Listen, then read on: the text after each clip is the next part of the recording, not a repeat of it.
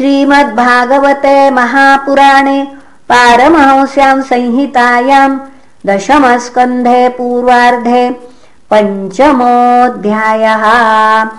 श्रीशुक उवाच नन्दस्त्वात्मज उत्पन्ने जाताह्लादो महामनाः।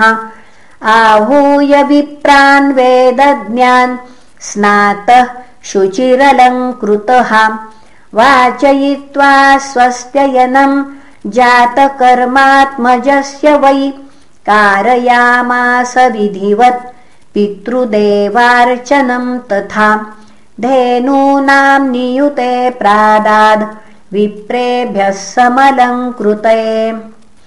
तिलाद्रीन् सप्तरत्नौघो शातकौम्भाम्बरावृतान् कालेन स्नानशौचाभ्याम् संस्कारैस्तपसे जया शुद्ध्यन्ति दानैः सन्तुष्ठ्या द्रव्याण्यात्मात्मविद्यया।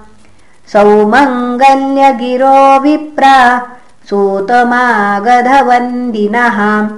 गायकाश्च जगुर्ने दुर्भेर्यो दुन्दुभयो मुहुः व्रजः संसिक्तद्वाराजिरगुह गृहान्तरः चित्रध्वजपताकास्रक् चैलपल्लवतोरणैः। गावो वृषा वत्सतरा हरिद्रा तैलरूषिताः विचित्रधातुबर्हस्रग्वस्त्रकाञ्चनमालिनः। महार्हवस्त्राभरण कञ्चुकोष्णीशभूषिताः गोपाः समाययूराजन् नानोपायनपाणयः। गोप्यश्चाकरणमुदिता यशोदाया सुतोद्भवम् आत्मानम् भूषयाञ्चक्रुर्वस्त्राकल्पाञ्जनादिभिः नवकुङ्कुमकिञ्जल्क मुखपङ्कजभूतयः। बलिभिस्त्वरितम् जग्मुः पृथुश्रोण्यश्चलत्कुचाः। गोप्यः सुमृष्टमणिकुण्डलनिष्ककण्ठ्यश्चित्राम्बरा पथि नन्दालयम् सबलया व्रजतीर्विरेजुस्व्यालोलकुण्डल पयोधरहारशोभाः ता आशिषः प्रयुञ्जानाश्चिरम् पाहीति बालके। हरिद्राचूर्णतैलाद्भिः सिञ्चन्त्यो जनमुज्जगुः अवाद्यन्तविचित्राणि वादित्राणि महोत्सवे कृष्णे विश्वेश्वरे नन्ते नन्दस्य व्रजमागते गोपाः परस्परम् हृष्टा दधिक्षीरघृताम्बुभिः आशिषन्तो विलिम्पन्तो नवनीतैश्च चिक्षुपुः नन्दो महामनास्तेभ्यो वासोऽलङ्कारगोधनम् सूतमागदवन्दिभ्यो येऽन्ये विद्योपजीविनः। तैस्तैकामैरदीनात्मा यथोचितमपूजयत्। विष्णोराराधनार्थाय स्वपुत्रस्योदयाय च रोहिणी च महाभागा नन्दगोपाभिनन्दिता व्यचदिव्यवासस्रकण्ठाभरणभूषिताम् तत आरभ्य नन्दस्य व्रजः सर्वसमृद्धिमान्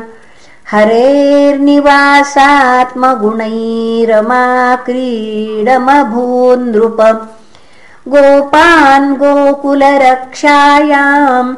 निरूप्य मथुराङ्गतः नन्दः कंसस्य वार्षिक्यम् करम् दातुम् कुरुद्वः। वसुदेव उपश्रुत्य भ्रातरम् नन्दमागतम् ज्ञात्वा दत्तकरम् राज्ञे ययौ तदवमोचनम् तम् दृष्ट्वा सहसोत्थाय देहः प्राणमिवागतम्। प्रीतः प्रियतमम् दोर्भ्याम् सस्वजे प्रेमविह्वलः।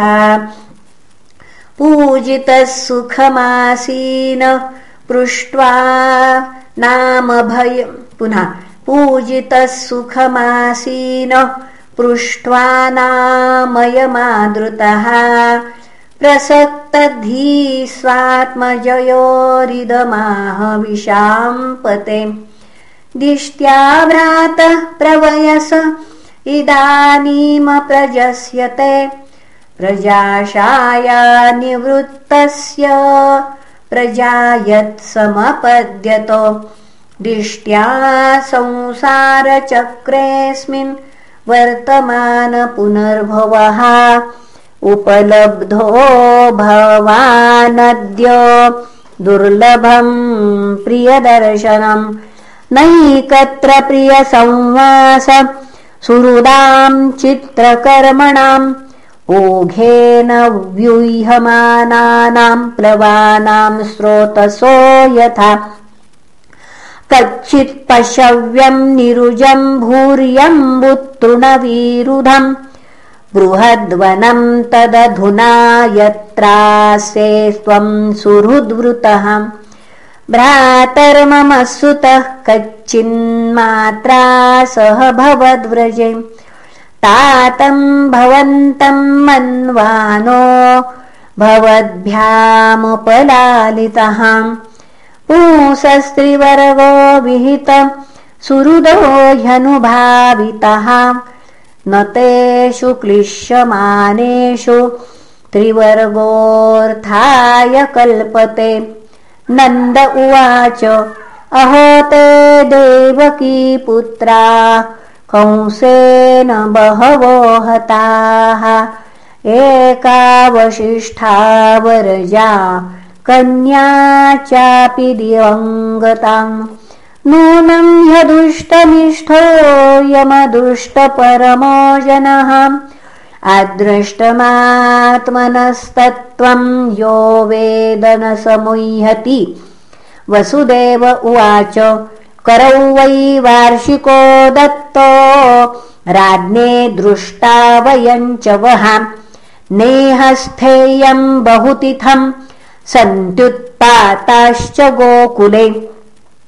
श्रीशुक उवाच इति नन्दादयो गोपा प्रोक्तास्ते शौरिणा ययुः अनोभिरनडुद्युक्तैस्तमनुज्ञापगोकुलम् इति श्रीमद्भागवते महापुराणे पारमंस्यां संहितायां दशमस्कन्धे पूर्वार्धे नन्दवसुदेवसङ्गमो नाम पञ्चमोऽध्यायः। श्रीकृष्णार्पणमस्तु। हरये नमः हरये नमः हरये नमः